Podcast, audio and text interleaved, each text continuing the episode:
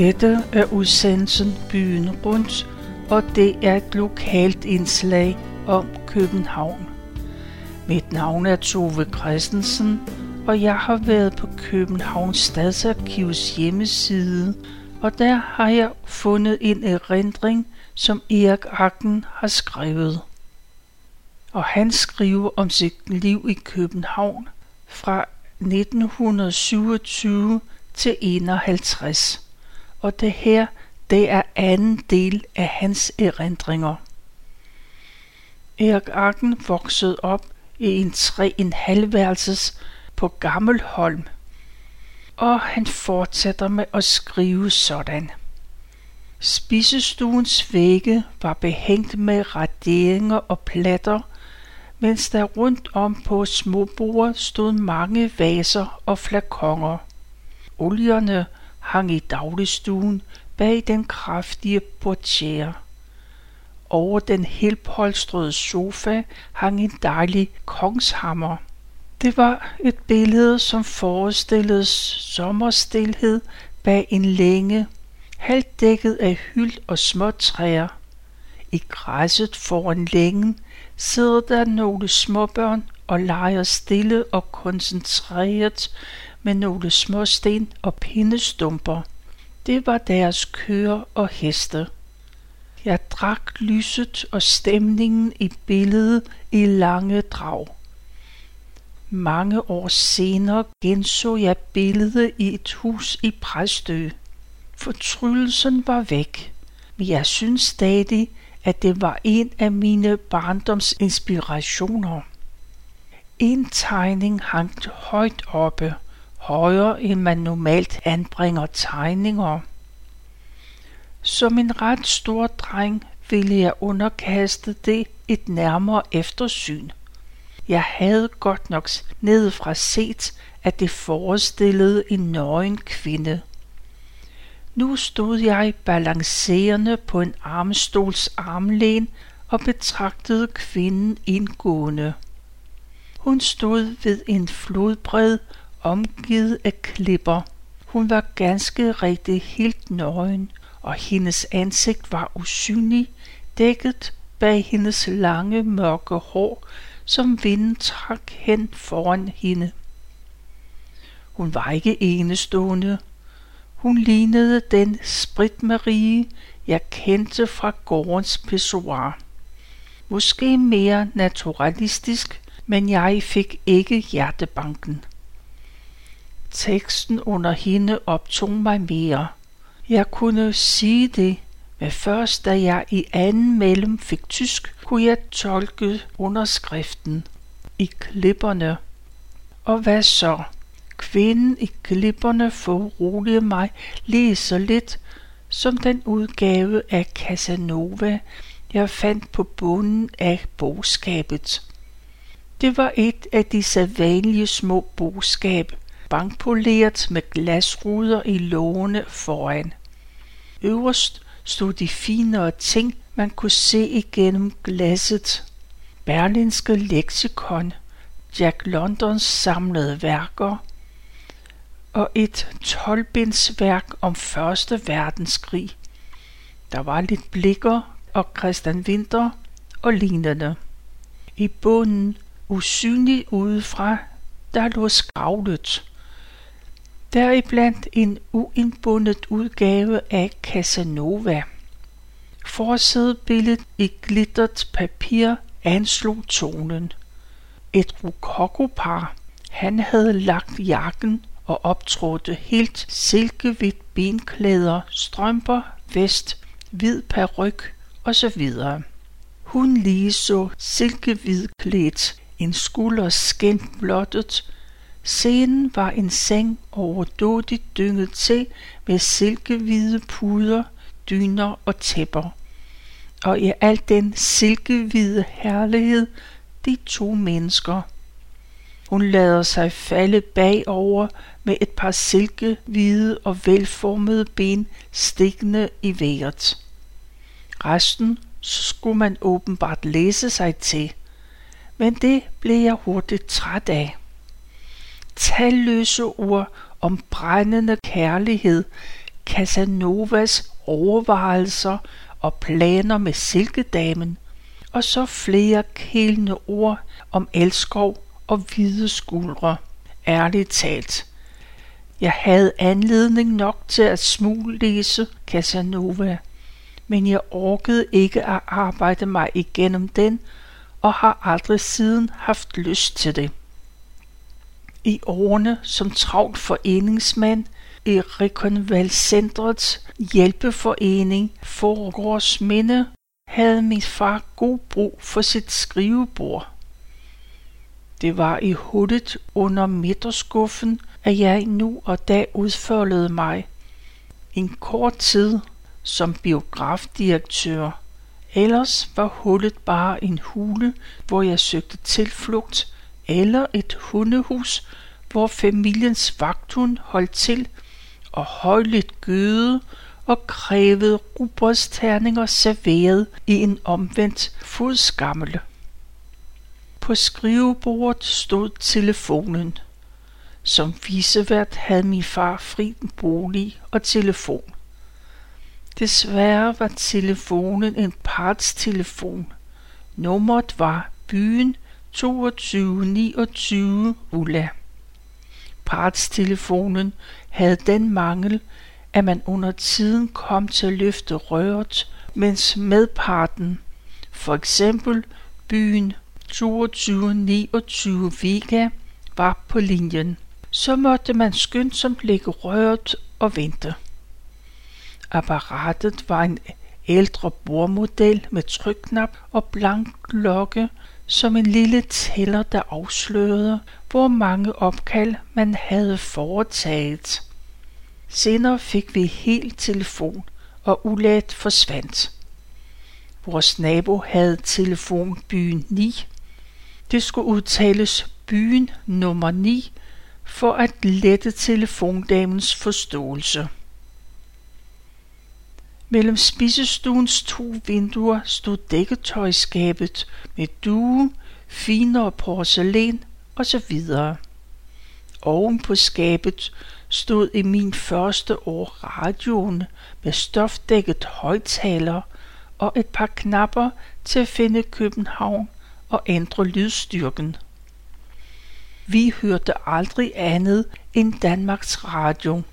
Måske kunne radioen heller ikke tage andre stationer. Nedefra var radioen ikke meget synlig. Til gengæld havde den en stor plads i familiens hverdag. Faste lyttepunkter, det var radioavisen og dansemusikken fra Vivex. Der var familien Hansen med Åge og Gerda, svigermor og ungerne og julehilsnerne til Grønland, de borgerliges ungdomsfester, konfirmationer i Otfellopalæet. Familiens politiske fingeraftryk var ubetinget socialdemokratisk. I god tid før besættelsen fik vi en ny radio, en telefonken med så eksotiske stationer som Helversom og Motala. De nye apparater havde dertil en magisk øje, en grøn stjerne, der skulle fremtræde skarpt, når radioen var fint indstillet. Den meget manuelle betjening krævede, at radioen kom ned i menneskehøjde, og den fik sin plads på et dertil nyerhvervet bord i dagligstuen. Her sad vi og stak hovederne ind, når de danske udsendelser kom fra London kl. 18. De kom tværs igennem tyskernes støjsendere. Det var under en af disse aflytninger, jeg engang ville lufte min nyerhvervede gymnasiale blæserthed ved at henkaste. Det var vel ikke så meget at sige til, at tyskerne prøver at blokere de engelske udsendelser.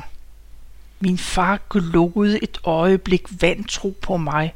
Så skreg han, ud, din nazist. Jeg forsvandt hurtigt, men der blev aldrig mere hentydet til episoden, og gennem resten af besættelsen hørte vi sammen og i største fordragelighed radio fra London til og med den 4. maj om aftenen i 1945, da freden eksploderede.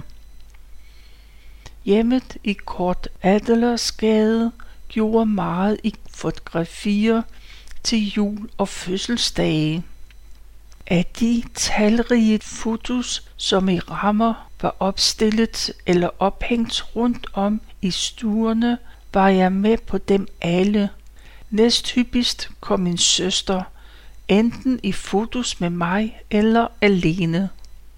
De kom til at afspejle min livs forløb, for de gamle fotos blev stående, selvom mere aktuelle kom til.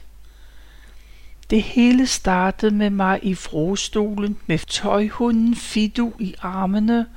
Derpå fulgte flere Stella Nova og Kittel udgaver i store mængder. Værst af dem alle var et billede af mig som femårig.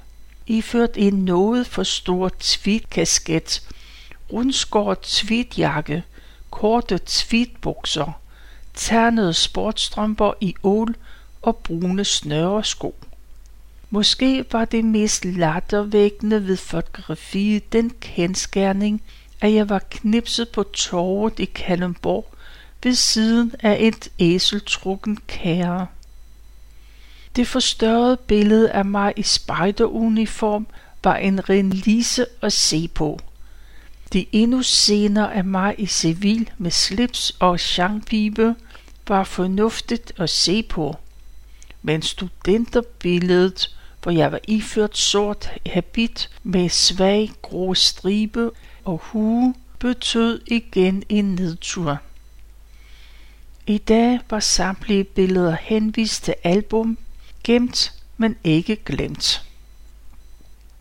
Jeg er opvokset i et hjem med klaver, endda et fortrinligt instrument.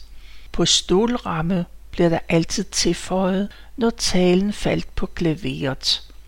Og intet kunne være mere naturligt, end at jeg skulle lære at traktere dette møbel.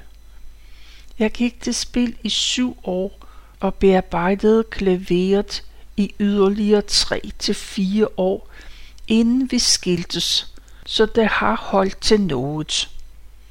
I en alder af syv var jeg begyndt at gå i skole og skulle nu også gå til spil. Det måtte være på de tider, mente man, og præsenterede mig for min første spillelærerinde, frøken Lagstrøm, i Herlof Trollesgade. Vi udholdt hinanden i et halvt års tid. Hjemme klagede jeg sikkert i overensstemmelse med sandheden over, at frøken Lagstrøm krassede mine fingre når fingrene befandt sig på et sted på klaviaturet, hvor de efter noderne ikke skulle være. Vel var der hverken blod eller rifter, men den upædagogiske fremgangsmåde afskrækkede mig for en tid, og jeg kørte videre på egen hånd med Hornemanns klaverskole. Nogle tid efter fandt de voksne en ny spillelærer til mig, som jeg fandt mig godt til rette med, og som jeg egentlig kun forlod, fordi skolen krævede mere og mere af min tid. Werner Eriksen hed han, og var foruden at være spillelærer, også organist ved kirken på kommunehospitalet, og han var blind. Eriksen boede ikke i Holbergsgade hos forældrene, men et andet sted – men han lånte et værelse i deres store lejlighed til sin undervisning. Der fik jeg lejlighed til at snuse til en verden, der var anderledes skruet sammen end den, jeg ellers færdes i. Eriksen holdt øje med tiden, både for min ankomst og afgang. Hans lommeord var uden glas, men med et oplukkeligt kapsel, så han kunne føle på viserne og med meget stor nøjagtighed sige, hvad klokken var. Undervisningen fandt sted i vinterhalvåret, da dagene kunne være mørke. Eriksen kunne vel ikke afgøre, om det var lyst eller mørkt i vejret. men for en sikkerheds skyld var klaverlampen altid i brug. Var den slukket, følte han, at den var kold, og tændte den så med bemærkningen, vi må vist have lidt lys. I stuen hang en tegning af en pæn ung kvinde. Det var min kone, forklarede Eriksen. Er hun ikke yndig? Jeg var vist for ung til at afgøre, om en kvinde var pæn, yndig eller smuk. Men jeg svarede pligtskyldigt ja. Jeg så den unge frue om sommeren, når de kørte på tandem, hvor hun sad ved styret. De to gamle forældre Eriksen i Holmbladsgade stod i vinduet og vinkede. Werner vendte sig smilende og vinkede tilbage. I min tid fik Werner Eriksen udgivet et klaverstykke. Hilsen over sundet hed det. Det var under besættelsen. Og det skærpede pludselig min iver efter at lære klaver, ikke mindst da musikstykket kom i radioen. Nu er både frøken Langstrøm og Werner Eriksen hilsen over sundet og mit gode klaver borte og mine noder ligger gemt i en gammel kurv på pulterkammeret. Nogle år senere flyttede en anden og mere rigtig komponist ind i Kort Adlersgade, vist nok i nummer 5, skråt over for os til højre. Det var Ruth Langgaard, hvis ry var ildet ham i forvejen. Ham spejlede vi fra vinduet for gadespejlet var allerede i mine første år afskaffet, og vi registrerede, at han ved aftenstid i skjorteærmer sikrede sig igen og igen, at vindueshasperne var sat forsvarligt på. Min opgang i Kort Adlersgade, det var nummer to. Ved siden af gadedøren oplyste et emaljeret skilt, der igen var skruet fast på en træklods, at viseverden residerede på tredje sal til højre, og det var der, jeg hørte til. Hoveddøren var en dobbeltdør af hensyn til tidens tunge og omfangsrige møbler. Klokke, håndtag og brevkasse var af messing og skulle pusses. Lige indenfor var der en lang gang til højre, som førte til WC, til dagligstue og soveværelse og spisestue, mens køkkenet med spisekammer og pigeværelse lå lige for. Brændekomfurt var lige op til krigen dækket af linoleum, hvorpå de to gasapparater stod. Efter 9. april forsvandt linoleum og gasapparater, og komfuret kom i gang igen. I det vi fyrede med alt for håndværende træ og papir, og senere med tørv. Pigeværelset var en mindelse af de store tider, da herskaberne holdt pige. I mine år var der kun én familie, nemlig vores genbo, der holdt pige, og hun hed Meta, og var fra Jylland, samt en familie i nummer 3. Ligeværelset var fra først af beboet af min søster. Da jeg var konfirmeret, rykkede jeg derind. Værelset var en lang og smal tarm. Trods alt nød jeg min ungkalehybel. Det smalle vindue fyldte det lille endevæg og gav således lys nok. Seng og skrivebord lampe og boghylde var i gymnasieårene helt og aldeles min verden. Skrivebordet var specialdesignet grund af rummets snæverhed. Bordklappen kunne slås ned, mens jeg mavede mig ind og ud. Når jeg havde sat mig på sengen, der gjorde det ud for stol og havde slået klappen op, var jeg låst fast. Skulle jeg ud, måtte jeg først rydde bordpladen, før den kunne slås ned, og så videre og så videre. På væggene hang der, hvad jeg sådan kunne få fat i, men i en ret lang periode var jeg meget fortryllet af Kristels langbenede piger, som dengang sås i næsten alle ugeblade, og udvalgte piger blev klippet ud og hængt op i kælekammeret. Viset var utroligt snævert, og en stor del af pladsen var optaget af rør og faldstammer, men det opfyldte sin funktion. Udskyldningen foregik som sædvanligt med et træk i en kæde, der begyndte oppe ved cisternen og endte i et porcelænshåndtag med påtrykt brusevejledning, træk og slip. Gangen var som i alle de gammelholmske ejendomme lang, smal og mørk. Den fik kun lidt lys fra et vindue med hoveddøren. Under krigen, da alle døre skulle holdes lukket for varmen, og alt lys skulle slukkes omgående, var gangen uhyggelig at komme igennem. Man havde været køkkenet og slukkede lydigt lyset, så famlede man sig gennem gangen, som på grund af mørklæggen var bælmørk, mens de små hår i nakken rejste sig i skræk for de monstre, der listede ind på en bagfra.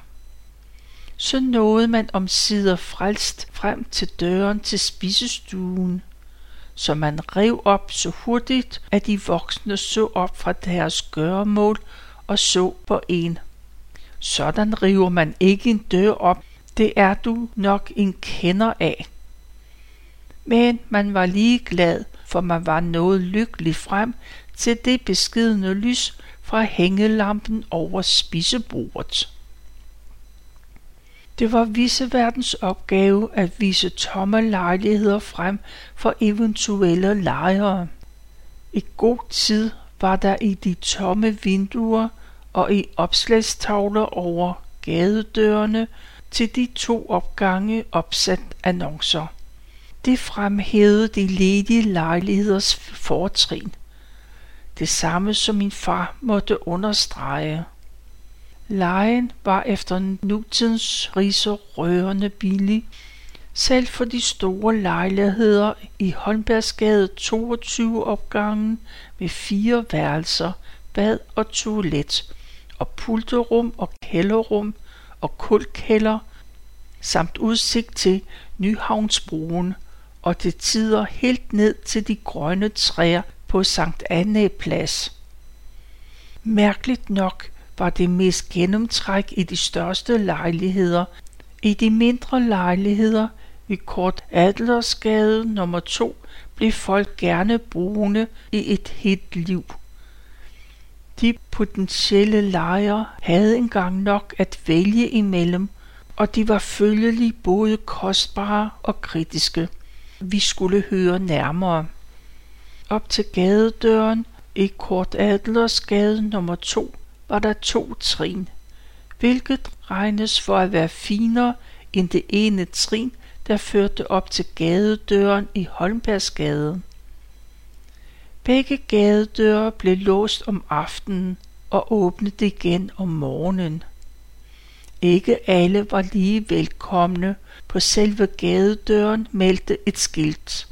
Handlen og betleri frabides. Bud henvises til køkkentrappen. Men jeg så aldrig andet end brændselsafbærende bruges køkkentrappen, mens almindelige købmandsbude og den slags skik af hovedtrappen. Efter aftale med vært og visevært kunne man annoncere ved siden af gadedøren. Derfor sad der et elegant messingskilt ved siden af vores gadedør. Norges handels- og søfartstidning og et mere ordinært emaljeskilt.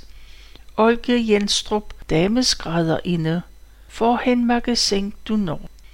Det var min søster, der som udlært og meget kompetent skrædder årene gennem forsynede mig med klædningsstykker i stof og strik langt ud over, hvad jeg kunne slide op. Jeg så også enlige tiggere, bettlere i trediverne op til krigen.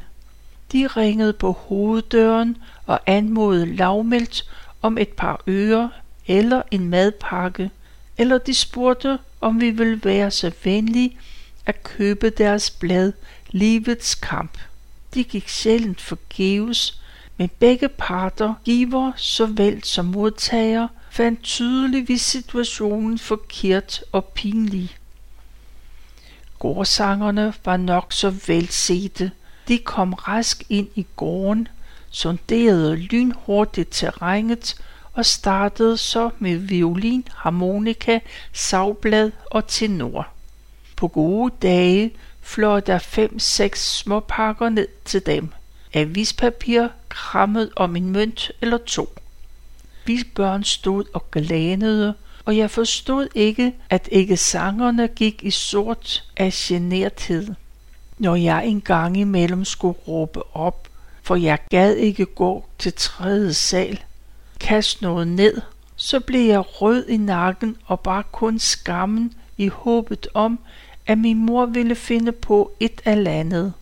Halv stykke med spejepølse for eksempel.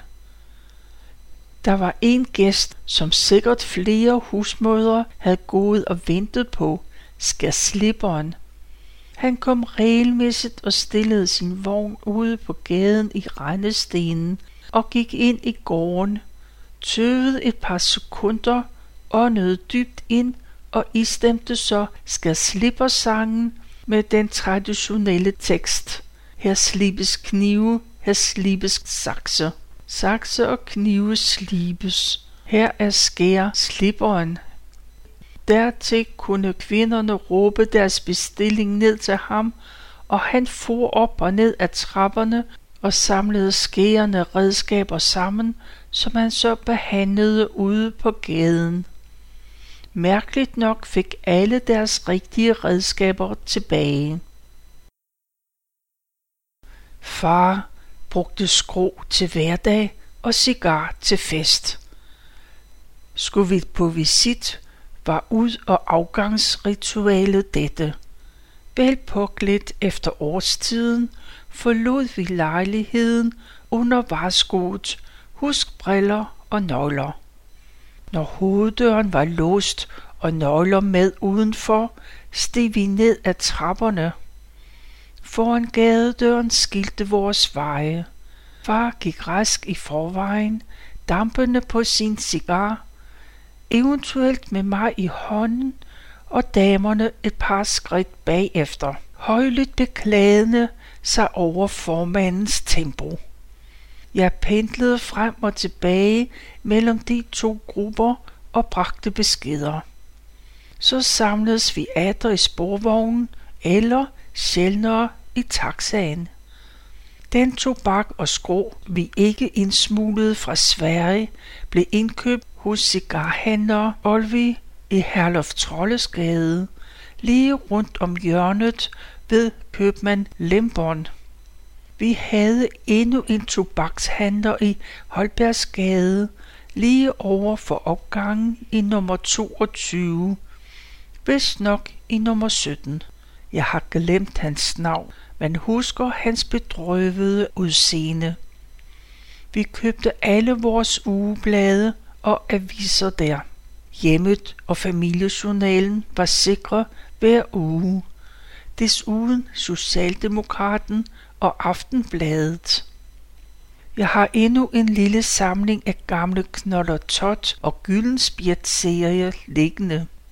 I en periode holdt vi tempo, hvis bagside brydes af to tegneserier, nemlig Fabian og Rebecca samt Dragos, som var manden med den hemmelighedsfulde magt.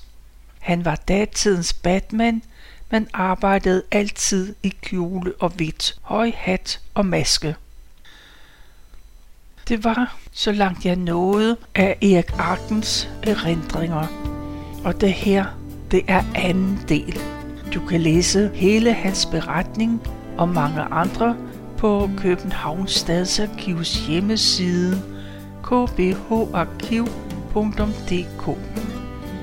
Og med det her, så vil jeg bare sige tak for nu, og tak fordi du lyttede med.